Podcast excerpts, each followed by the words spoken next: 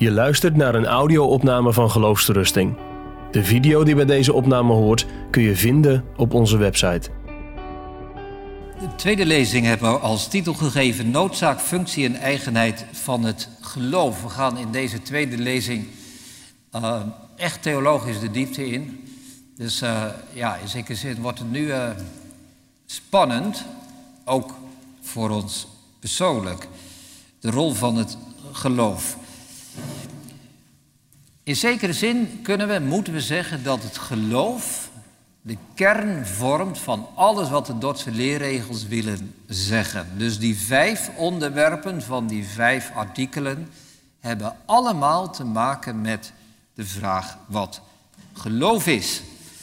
Het zijn thema's rondom het geloof. Let maar op, luister maar. De vraag wie gaat er geloven? Het antwoord is degenen die uitverkoren zijn. Dan zit je in hoofdstuk 1. Wat geloof je? Wat is het object? Wat is het voorwerp van het geloof? Dat is het offer van Christus. Hoofdstuk 2 van de Dordtse leerregels. Hoe kom je aan geloof? Hoofdstuk 3. Door de wedergeboorte. Kan het geloof stoppen? Nee, want er is volharding in het geloof. Hoofdstuk 5. Is zekerheid een wezenlijk kenmerk van het geloof? Ja, zegt hoofdstuk 5. Zekerheid hoort bij het wezen van het geloof. Dus al die vijf artikelen van de remonstrantie en van de Dordtse leerregels zijn allemaal vragen rondom het geloof. Dus we gaan de vragen over het geloof in twee groepen verdelen. De ene noem ik eerste orde vragen en de andere noem ik tweede orde vragen. We kunnen het hebben over het geloof zelf. Wat is geloven? Hoe doe ik dat? Waarom zou ik geloven? Wat is de uitwerking van geloof? Dat noem ik vragen over het geloof zelf. En de tweede orde vragen gaan over wat ik maar kortheidshalve de oorzaken van het geloof noem. De Dordtse leerregels noemt dan minstens vier oorzaken de uitverkiezing, het offer van Christus, de wedergeboorte en Gods bewaring in het geloof. Er zouden er meer te noemen zijn, maar laat ik die vier vooral noemen, want dat zijn de hoofdonderwerpen. Maar dat zijn oorzaken van het geloof. En dat is dus een ander type vragen. Daar gaat het voortdurend over. Luister maar wat de Dordtse leerregels zeggen. De uitverkiezing is een oorzaak van het geloof, want staat er in hoofdstuk 1, paragraaf 9. God heeft besloten sommige mensen het geloof te geven. Citaat, de verkiezing is geschied niet uit het, niet uit het geloof, maar tot het geloof. En daarom is de verkiezing de fontein van alle zaligmakend goed waaruit het geloof voortkomt. Uitverkiezing is een oorzaak van het geloof. Het offer van Christus is een oorzaak van het geloof. Dat ze leerregels hoofdstuk 2, paragraaf 8 zegt... Christus heeft voor de uitverkorenen het geloof door zijn dood verworven. Hij veroorzaakt dat zij geloof krijgen. De wedergeboorte is een oorzaak van het geloof. Hoofdstuk 3, 4, paragraaf 14 zegt dat God in de mens teweeg brengt beide de wil om het te geloven en het geloven zelf oorzaak van het geloof. De bewaring in het geloof kunnen we een oorzaak noemen. God zorgt ervoor, hij veroorzaakt dat het geloof niet stopt, maar doorgaat. Hoofdstuk 5. Nou, in de, in de lezingen 3, 4, 5 en 6 ga ik dus uitvoerig op die oorzaken in. En ik zal zeker in lezing 6, de laatste, uit leggen waarom dit echt heel belangrijk is en ook heel goed is. Heel praktisch voor het concrete leven uh, van het geloof. Maar we zijn nog maar bij lezing 2 en nog niet bij 6. Dus zover is het nog niet. En wat ik in deze tweede lezing wil gaan doen, is heel sterk benadrukken dat die vragen over het geloof zelf het volle pond moeten krijgen. Vergelijk het met een medicijn. Als er een bepaald medicijn is tegen een ernstige ziekte, dan kun je allemaal vragen rondom en bij en over dat medicijn stellen. Van hoe werkt dat precies? farmacie, uh, kan iemand daar wat over zeggen? Welk merk is het? Welke dosering moet ik innemen? Uh, hoe vaak moet ik het slikken? Wat is de werkzame stof en zo? Het zijn allemaal hele waardevolle vragen natuurlijk. Maar, maar als je al die vragen beantwoord hebt en je slikt nog steeds niet het medicijn in, dan sterf je wel. Dus die basisvraag, gebruik ik het medicijn, kun je nooit vervangen door die tweede orde vragen. Die moet zelf beantwoord worden. En zo is het bij het geloof. Als ik dat offer van Christus niet aanneem en niet toe-eigen en niet geloof, ga ik verloren. Dat alleen kan mij redden. En dat gebeurt door het geloof.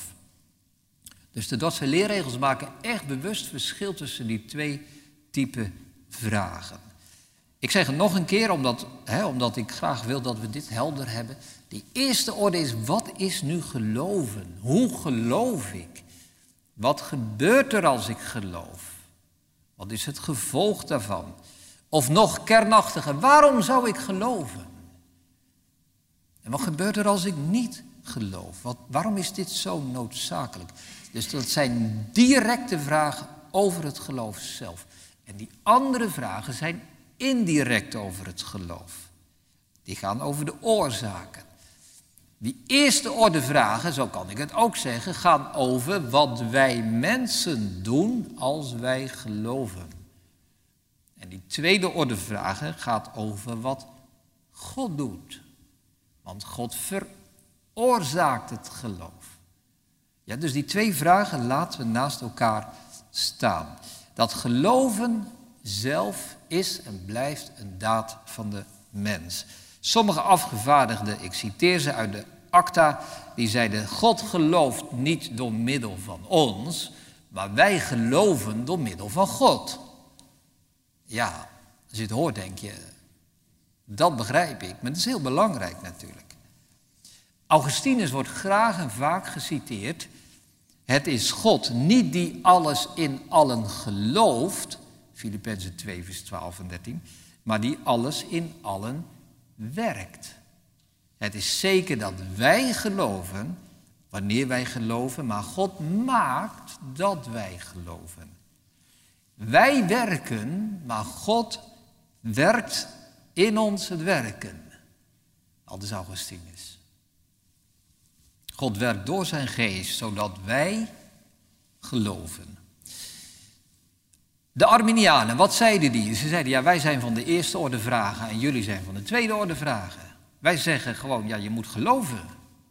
En jullie beginnen over uitverkiezing en wedergeboorte en over allerlei andere vragen. Maar wij, wij houden het gewoon bij die eerste orde vragen. En uh, ja, bij jullie vervalt die vraag, want als je uitverkoren bent, dan kom je er toch wel, of je nu wel of niet gelooft. Als je wedergeboren bent, dan kom je er wel, of je nu ooit of niet het offer van Christus aanneemt. Nou, Dort heeft dat nadrukkelijk weersproken. En Dort zegt dat is niet eerlijk om dit aan ons te verwijten. Wij erkennen eerste orde vragen en tweede orde vragen. Geloven is en blijft onmisbaar, noodzakelijk, beslissend. Zo zegt de schrift het, zo zeggen wij het ook. Ik heb dus in die lezing van 14 juli hè, gezegd, daar valt de beslissing als je gelooft. En dat zeg ik nog steeds, want dat is ook werkelijk wat de Bijbel zegt en ook wat Dort zegt. Als je kijkt naar hoofdstuk 1 van de Dordtse leerregels, ik zou een ander voorbeeld kunnen nemen, maar we beginnen bij hoofdstuk 1, dan zien we die opbouw. Het begint met de val van de mens in de zonde en de verlorenheid. Daarna, maar hierin is de liefde van God geopenbaard, paragraaf 2. Daarna, paragraaf 3, hij zendt zijn verkondigers van dit evangelie. Paragraaf 4, degenen die dit geloven en aannemen, worden van de toorn bevrijd. Wie niet aannemen, blijven in hun veroordeling. Dus zij beginnen bij die eerste orde vragen. Hè? We zijn verloren, Gods liefde wordt verteld en verkondigd in het evangelie. Geloof je het of geloof je het niet? En dan daarna in paragraaf 6 van hoofdstuk 1, dan zeggen ze, ja, dat God sommigen in de tijd met het geloof begiftigt en anderen niet, komt uit zijn eeuwig besluit. En dan zitten we bij de tweede orde vragen. Maar daar moet je niet mee beginnen, zegt Dort. Let op die structuur. Ik ga dus nu in deze lezing 2 heel veel nadruk leggen op die eerste orde vragen. En die tweede orde vind ik ook belangrijk. Daar kom ik natuurlijk nog wel uitvoerig over te spreken. Als ik wat een lijn trek naar nu, je ziet veel, dit is wel generaliserend, maar veel evangelische mensen die zeggen, ja, je moet geloven en dat is alles wat er te zeggen valt. Ik krijg ook die mails die zeggen, ja, dominee, u zit nog zelf in uw kleine lettertjes, want u moet gewoon stoppen met die hele boodschap van de uitverkiezing. Er is alleen maar één vraag, geloof je wel of geloof je niet? En dat is heel eenvoudig. Daar ben ik het niet mee eens. Er zijn eerste orde vragen en er zijn tweede orde vragen. En ze hebben elk hun eigen belang. Maar wat ik nu vooral wil zeggen is dat we dus niet die tweede orde vragen moeten gaan benadrukken zodat die eerste orde vragen verdwijnen. Er was een eh, professor uit Duitsland, een David Pareus. De man was te oud om naar Dordrecht te komen, maar die schreef een brief waarin hij zijn visie gaf. En hij gaat op dit punt in. Hij zegt, hoe doen wij dat op school? We beginnen eenvoudig. De schooljongens, zegt hij, die beginnen met rekenen en met schrijven en eenvoudige dingen. En als ze verder komen, dan gaan we ze Aristoteles of Euclides of, nou ja, noem ze allemaal maar op, de hogere kunsten bijleren. Hij zegt, zo is het met het geloof ook. De kinderen, zegt hij, de leerlingen en de idioten, zo noemden ze dat dan uh, in die tijd, de, de, eenvoudige mensen. Hij zegt, hier moeten we de basisdingen leren. Wat is de basis? Ze moeten weten hoe ze zalig worden, zegt hij, namelijk door in Christus te geloven en door in geloof en gehoorzaamheid te volharden. Vertel de mensen dat en dan hebben ze de eerste orde vragen gehoord. Hij zegt, ja, als je verder komt, als je gezond van verstand bent, als je volwassen bent, als je beleidenis gaat doen, dan komen er meer vragen. En dan gaan we ook op de, over de oorzaken spreken. Maar wat ik zo mooi vind en wat Pareus zegt, is dat we die volgorde helder moeten hebben. Want als je met de schooljongens en de idioten begint met de moeilijke vraagstukken, dan zullen ze de eenvoudige vragen nooit kunnen beantwoorden. Er was een andere afgevaardigde, een Joseph Hall uit Engeland. Die ging nog een stap verder, die hield een preek over, wees niet al te rechtvaardig, wees niet al te wijs. En hij gaf de andere afgevaardigden behoorlijk van langs. Hij zegt, er zijn twee soorten theologie. De theologie van de gewone man en de theologie van de universiteit. En die eerste omvat wat wij moeten weten, het tweede wat wij kunnen weten. De kennis van de eerste maakt ons tot een christen, de kennis van de laatste maakt ons tot een disputeerder. Ik citeer Joseph Hall, als ieder mens elk van beide evenveel zou moeten nastreven, is dat een zaak vol gevaren die gewoonlijk eindigt in de allergrootste verwarring. Het is goed en heilzaam als ieder leert en begrijpt wat tot de zaligheid nodig is, eerste orde. Maar het is bepaald niet goed dat zakkendragers en schuitenvoerders over de meest verborgen zaken van de predestinatie discussiëren. Blijkbaar gebeurde dat. Als dat gebeurt, zegt hij, ligt de schuld niet zozeer bij het gewone volk, maar bij de leraars zelf die met die dingen het hart en de oren van het volk hebben gevuld. Schuld van de dominees, zei hij. Het is voorwaar onvoorzichtig gehandeld om deze diepe verborgenheden op de preekstoel openlijk te verkondigen, alsof daarin alleen de enige zaak van de christenen gelegen zou zijn. Dit is heel kritisch. Joseph Hall zegt, begin eenvoudig en liever niet over de uitverkiezing spreken dan dat mensen de eenvoudige vragen niet meer kennen. Nou, ik zie hier heel veel fout gaan in onze gereformeerde gezinten. Ik zie twee dingen fout gaan, op zijn minst. Ik heb ze opgeschreven. Fout 1 is dat de oorzaken van het geloof het geloven zelf overbodig maken. En het tweede is dat de oorzaken van het geloof gelden als kenmerken van het geloof. Nou, dat eerste, die eerste fout die je veel tegenkomt. Mensen zeggen, ja, die tweede orde die is veel belangrijker. De preken gaan En hun vraag in het leven dus ook over de vraag, ben ik uitverkoren? Is Christus voor mij gestorven? Ben ik wedergeboren? Ja, maar dat zijn tweede orde vragen. De eerste orde vraag is, geloof jij in Christus? Heb je het offer van Christus aangenomen? Die vraag wordt soms zo weinig gesteld. Die wordt aan de kant gewerkt en er komt een andere vraag. Ja, maar als jij echt gelooft, heb jij dat geloof ontvangen? Kun je iets vertellen over hoe je dat geloof ontvangen hebt? Zie je wat er gebeurt? Dat de eerste orde vraag wordt vervangen door een tweede orde vraag. Ja, de Heilige Geest werkt dat geloof. Vertel eens iets over het werk van de Geest in jouw leven. De eerste orde vraag wordt vervangen door de tweede. Ja, als je echt gelooft, is er ellendekennis. Heb jij ellendekennis? Je kunt alleen geloven als je wedergeboren bent. Ben jij wedergeboren? Dan worden dus de eerste orde vragen vervangen door tweede orde vragen. De eerste orde vraag moet zijn en blijven: geloof jij het evangelie? Geloof jij het evangelie? Zo staat het in de Bijbel, zo eenvoudig is het. Zo zegt Dort het ook.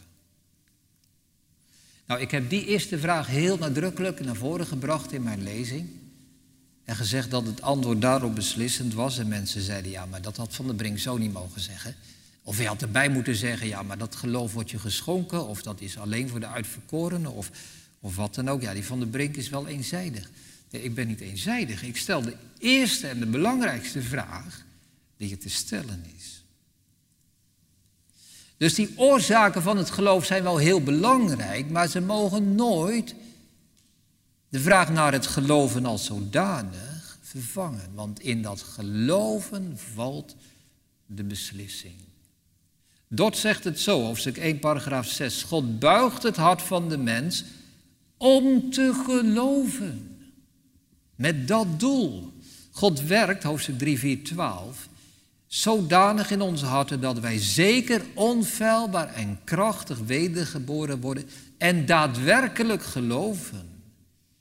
Hoofdstuk 3, 4, 14. God brengt in de mens teweeg beide de wil om te geloven en het geloven zelf. Als dat niet meer belangrijk was, zou God dat niet doen.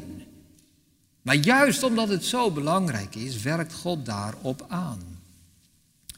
Hoofdstuk 3, 4, 12. Wanneer de wil van God vernieuwd is, wordt deze niet alleen van God bearbeid en in beweging gezet, maar als de wil door God bearbeid is, werkt hij ook zelf. Daarom wordt het terecht gezegd dat de mens door de genade die hij ontvangen heeft gelooft en zich bekeert. We zien telkens hetzelfde refrein. God doet dit met het doel dat wij geloven. Het geloof is het middel in Gods plan van verlossing. Dus dat geloof moeten wij niet overbodig maken. Maar dat is de spil waar het om gaat. En zolang wij niet geloven, zijn wij niet verlost en niet vrijgesproken en niet gerechtvaardigd. En we zien dan ook dat de Dotse leerregels telkens aansporen tot geloven. Hoofdstuk 1, Paragraaf 3, want al zo lief heeft God de wereld gehad, opdat ieder gelooft. Hoofdstuk 1, paragraaf 4, die dit evangelie niet geloven, op die blijft de toorn van God, maar die het aannemen en de zalig maken Jezus met een waarachtig en levend geloof omhelzen, die worden van de toorn verlost. Hoofdstuk 2, paragraaf 5, voorts is de belofte van het evangelie dat een ieder die in de gekruisigde Christus gelooft, niet verloren gaat. 3, 4, 8. God belooft allen die tot Hem komen en geloven de rust der zielen en het eeuwige leven. Nou, tegenwoordig zie je dat dit dus vaak helaas anders wordt. De enige vragen die nog gesteld worden zijn tweede orde vragen. En we, weer zien we dat dit het spiegelbeeld is van wat de remonstranten zeiden. De remonstranten zeiden, ja, maar in jullie visie maakt uitverkiezing en het offer van Christus en wedergeboorte, maakt het geloof overbodig. En heel veel mensen nu zeggen, ja, dat is ook zo. Als ik uitverkoren ben, kom ik er wel. Als Christus voor mij gestorven is, kom ik er wel. Als ik uitverkoren ben, kom ik er. Ik heb reacties gekregen in de achterliggende weken van mensen die tegen mij zeiden: Ja, ik, ik geloof niet in Christus. Maar ik hoop dat ik uitverkoren ben. En als ik sterf, ja, dan zal ik zien of ik het wel ben of niet. En ik ben er tevreden mee, wat het ook is. Ja, maar dan is Christus uit het evangelie verdwenen. En dan is het geloof verdwenen. Ik heb een preek gehoord, ik kreeg dat van iemand doorgestuurd, van een dominee. Die zei, ja, maar er is nu eenmaal een volk dat kan niet geloven. Dat is zo onmachtig om te geloven. En een evangelie dat oproept om te geloven, dat is zo'n troosteloos evangelie. Ja, maar dan, dan weten wij het beter dan God. En wat zouden wij dan zeggen als Jezus ons de vraag zou stellen zoals hij dat deed bij Martha? Geloof je dat? Gaan we dan zeggen, ja, maar dat is zo'n troosteloos evangelie? Dan zijn we niet alleen het evangelie kwijt, maar ook de Dordtse leerregels. Want die spreken bepaald niet zo. Wat ik ook heel belangrijk vind, dat is de tweede fout die ik heb, uh, wil benoemen, dat is dat die oorzaken van het geloof gaan gelden als kenmerken van het geloof. Weer naar de Dotse leerregels. Dot spreekt dus over het belang van geloven. En dan komt de vraag, ja, maar hoe weet ik of ik echt geloof? Of mijn geloof oprecht is? En dat het niet namaken is. Wat zijn de kenmerken van het zaligmakende geloof? Je kunt de Dotse leerregels gaan doorlezen en je vindt bijna niks. Ze geven wel kenmerken van de uitverkiezing, maar ze geven nergens kenmerken van het ware geloof. Ook niet ellendekennis. Het is heel opvallend dat, dat Dot eigenlijk niets zegt over ellendekennis. Ik wil in het boek een extra excus toevoegen over die vraag: wat zegt Dot over ellendekennis? Maar past niet in de lezingen, want in de lezingen volg ik de Dotse leerregels en wat zij niet zeggen kan ik niet bespreken. Maar het is heel opvallend hè, dat zij daar nauwelijks op ingaan. Terug naar die vraag. Wat zegt Dort over de kenmerken van het geloof? Nou, bijna niks. En toch is dat heel belangrijk. Luister eens wat Dort voor uitdrukkingen gebruikt om het geloof te omschrijven. Hoofdstuk 3, 4, 12 en 14. Het gaat over daadwerkelijk geloven. Hoofdstuk 1, 4. Het gaat over het evangelie geloven. Ook 1.4. Het gaat over de zalige maken Jezus aannemen. Hoofdstuk 3, 4, 8. Het is tot God komen.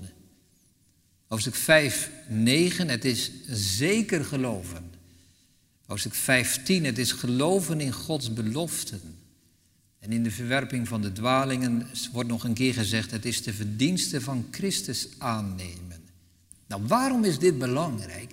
Blijkbaar dit is, dit is echt heel belangrijk. Blijkbaar zijn deze uitdrukkingen voor Dort helder genoeg om te weten of jouw geloof echt is. Om te weten of jouw geloof oprecht geloof is, heb je aan deze uitdrukkingen genoeg. Het geloof in één zin, het geloof is zijn eigen kenmerk. Wie gelooft, weet dat hij gelooft. Ja, maar hoe weet ik dan of het echt is? Ja, herken je deze taal van die uitdrukkingen die ik net genoemd heb? Als ik dat vergelijk met heel veel mensen nu, en ik heb ze als predikant natuurlijk vaak genoeg ontmoet, ook mensen die oprecht gelovigen zijn, kind van God zijn, als je ze vraagt om wat uit hun leven te vertellen, dan beginnen ze te vertellen over dat ze overtuigd waren van zonde en dat ze dat ze de genade van God mochten zien en dat ze zekerheid kregen van de vergeving, dat ze verlangen naar heiliging. En het is allemaal goed en het is mooi.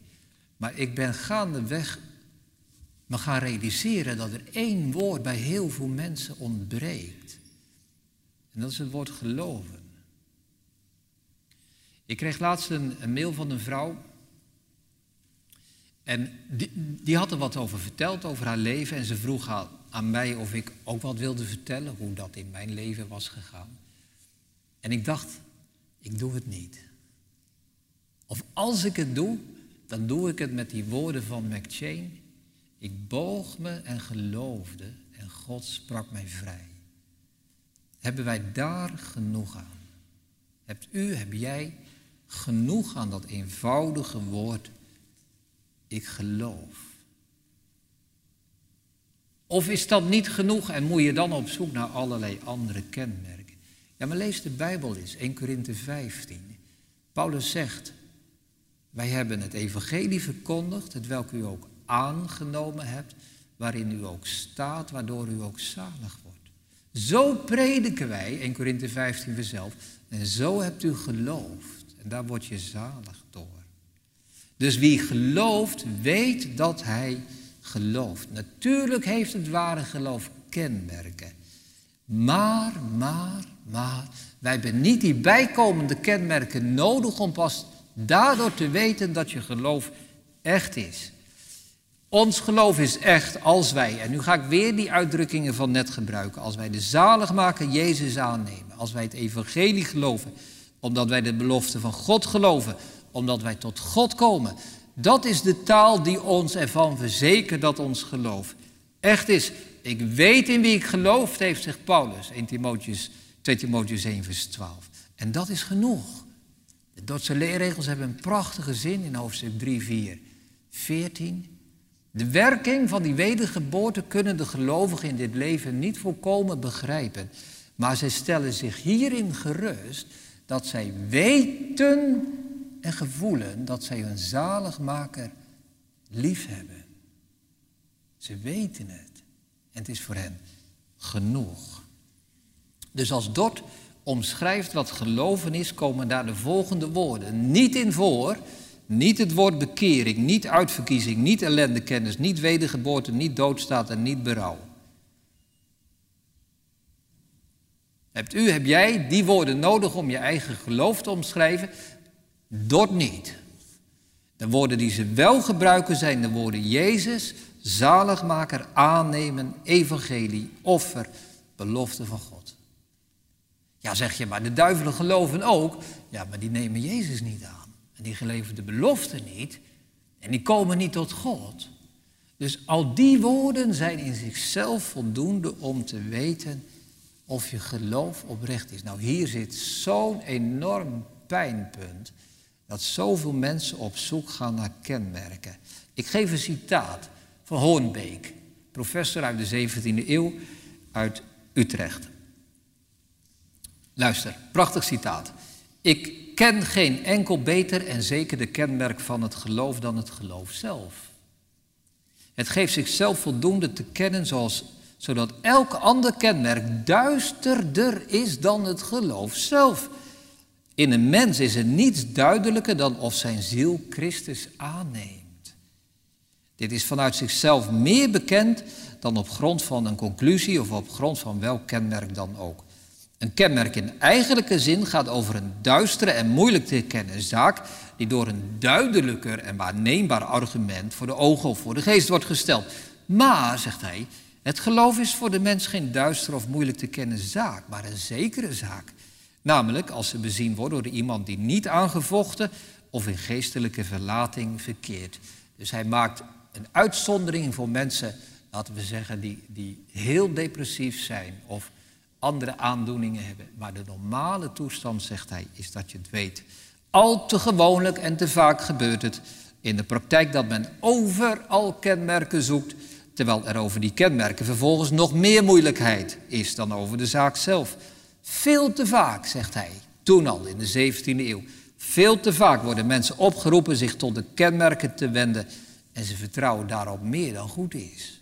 Vaak ontstaat er stilzwijgend een vertrouwen op de eigen werken. Wanneer de zaak zelf helderder is dan welk kenmerk dan ook, dan is het zinloos om je naar de kenmerken te begeven. Onszelf te onderzoeken en te beproeven of we het geloof hebben, is iets anders dan het geloof te beproeven door middel van andere kenmerken dan zichzelf. Alsof het geloof minder goed te kennen zou zijn. Einde citaat. Dus of jij gelooft, leidt je niet af uit de wedergeboorte, maar het is andersom. Eerste orde, tweede orde. Of je wedergeboren bent, leidt je af uit het geloof. Je hoeft jezelf niet de vraag te stellen of je wedergeboren bent, als je maar weet dat je met je hart gelooft en je zaligmaker lief hebt. Nou, als we dit kwijtraken, hè, als we niet meer zeggen wie gelooft, weet dat hij gelooft, dan krijg je dus die situatie die we om ons heen overal zien. Mensen zoeken naar kenmerken van het geloof. En ze zoeken een antwoord in die tweede orde vragen.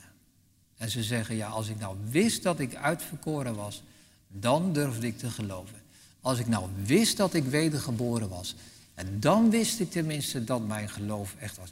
Als ik nou zeker wist dat Christus voor mij gestorven was, ja, dan kwam ik wel over mijn aarzelingen heen.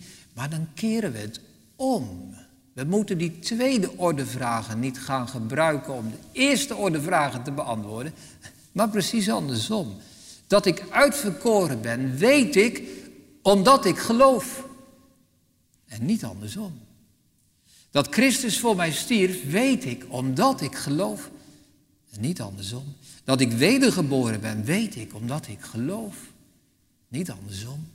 Dat ik zal volharden tot de laatste dag van mijn leven, weet ik omdat ik geloof. En niet andersom. Nou, als je dan de vraag stelt wat dit te maken heeft met het aanbod van genade, dat is mijn laatste punt, dan kun je zien wat dat voor gevolgen heeft. Aanbod van genade wil zeggen dat God ons belooft dat wij zalig zijn wanneer wij die belofte geloven. En Jezus stelt ons de vraag, geloof je dat?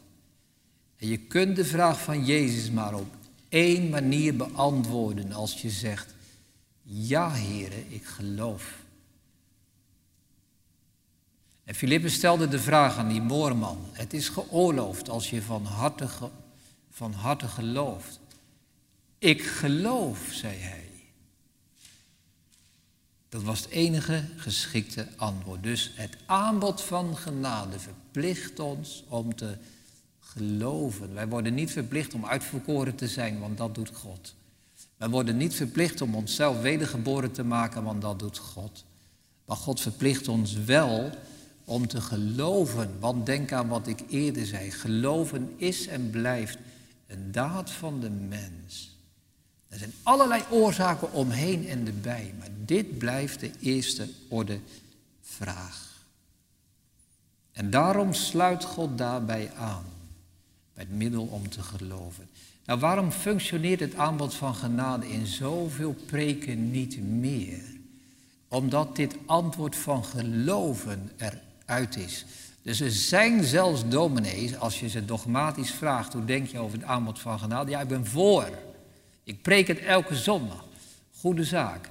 Maar zeg je ook dat het eh, beantwoord is eenvoudig als iemand zegt, ik geloof? Of is dat te weinig? De Dordtse leerregels zeggen, als God een mens bekeert, gaat hij het evangelie geloven, gaat hij de zaligmaker Jezus aannemen, gaat hij Gods belofte geloven. En tegenwoordig zeggen veel dominees, als God een mens bekeert, gaat hij zijn ellende zien, gaat hij proberen zichzelf op te knappen, gaat hij proberen om de wet te houden, gaat hij zijn doodstaat geloven, maar hij gaat zeker niet Jezus aannemen. Als dat al ooit komt, dan pas veel later. Ja, dan kun je misschien het eerste gezicht het aanbod van genade brengen. Maar als mensen niet mogen antwoorden met die eenvoudige reactie, ik boog me en geloofde, dan is er geen aanbod van genade meer. Denk nog een keer aan dat medicijn. Dat medicijn moet gebruikt worden. Het evangelie moet, zeggen de Dordtse leerregels, moeten het evangelie gebruiken. We moeten het geloven. En er zijn zoveel dominees die op dat moment overschakelen en het medicijn gaan beschrijven, de kleur en de dosering en de fabrikant enzovoort. Dort is veel helderder. Dort zegt, God heeft die middelen ingesteld. Nog één citaat, daar gaan we mee afsluiten, van de afgevaardigde van Gelderland. Wie verlangt naar dat doeleinde van God, namelijk de zaligheid, die moet ook zeker beslist en vooraf de vooraf bepaalde middelen ter harte nemen. Het is dwaas, zeggen zij, en goddeloos als mensen zeggen, indien ik tot de zaligheid en tot het geloof ben gepredestineerd, zal ik die beide wel verkrijgen. Ongeacht wat het doel is en ongeacht wat ik doe. Integendeel, zeggen zij. Luister, als u zalig wil worden, geloof. Als u geloof begeert, luister naar het woord, want het geloof is uit het gehoor. Nou, dit is Dort. Ik rond af met een conclusie. Het aanbod van genade kan alleen goed functioneren als wij geloven, aanvaarden dat geloof de enige goede reactie is. En als wij beseffen dat wie gelooft, weet dat hij gelooft. We moeten daarvoor niet terugvallen op bijkomende kenmerken. We moeten niet terugvallen op de oorzaken van het geloof. Maar onderstrepen dat het geloof zijn eigen kenmerk is. Tot zover. Dit was mijn tweede lezing. Je luistert naar een podcast van Geloofsterusting. Wil je meer luisteren, lezen of bekijken? Steun dan ons werk en ga naar de website geloofsterusting.nl.